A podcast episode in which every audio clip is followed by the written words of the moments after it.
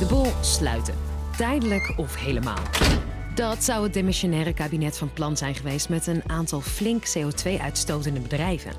Een ingrijpende keuze, maar het zou de enige manier zijn om de klimaatdoelen te halen zoals die zijn afgesproken in de Urgenda-rechtszaak.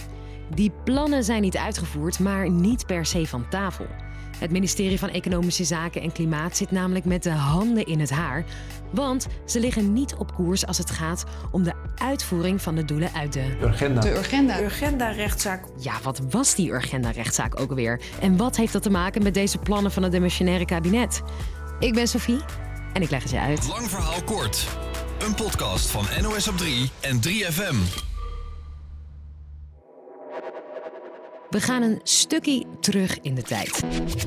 Naar 2015.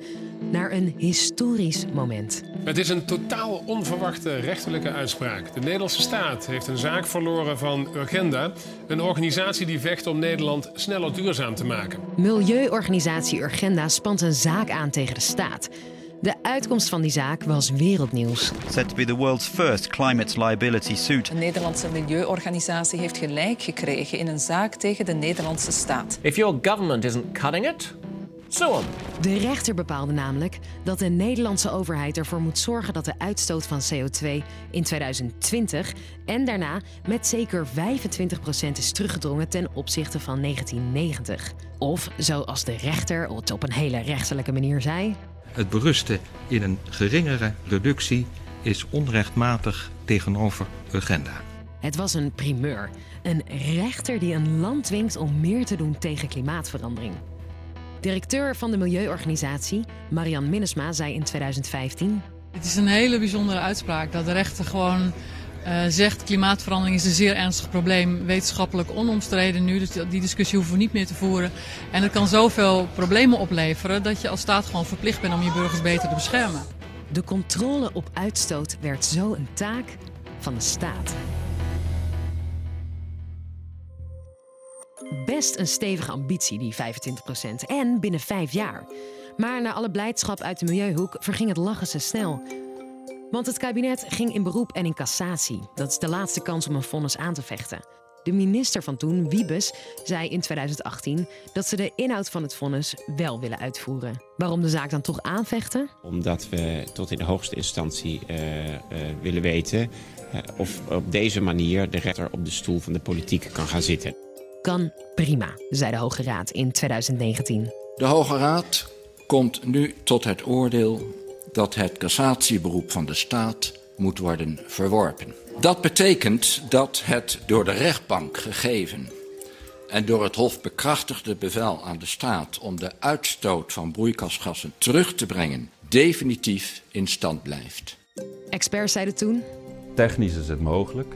Politiek is nog niet de vraag. Je moet uh, beleid wijzigen.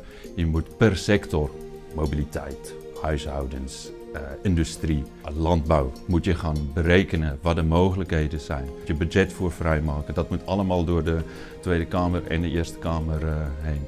Ja, verduurzamen, dat is niet gratis. En eind 2019 was er nog maar één jaar om aan de doelstellingen te voldoen. Dat werd krap.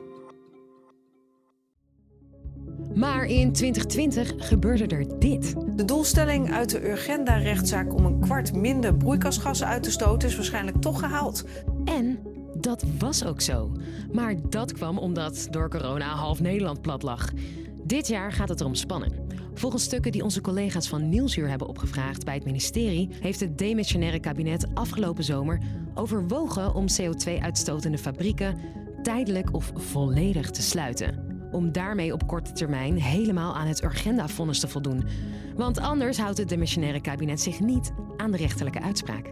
Nieuwsuur-collega René van Hest. Ambtenaren die schreven eigenlijk in stukken dat Nederland nog niet op koers ligt om uh, aan het Urgenda-vonnis te voldoen de komende jaren. En daarom is dit plan op tafel gelegd. En wat je ziet is dat ambtenaren zien dat toch best veel maatregelen die ze nu nog zouden kunnen nemen, weliswaar CO2 reduceren, maar niet op zo'n korte termijn. En dat is precies het probleem waar ze voor staan. En dat is ook de reden dat ze aan het ministerie hebben aangegeven... de enige manier om op korte termijn volledig de onzekerheid van het Urgenda-fonds weg te nemen, is eigenlijk technisch alleen mogelijk, en dan citeer ik letterlijk, door het direct stil te leggen van productie van bedrijven. Uiteindelijk koos het kabinet voor andere maatregelen.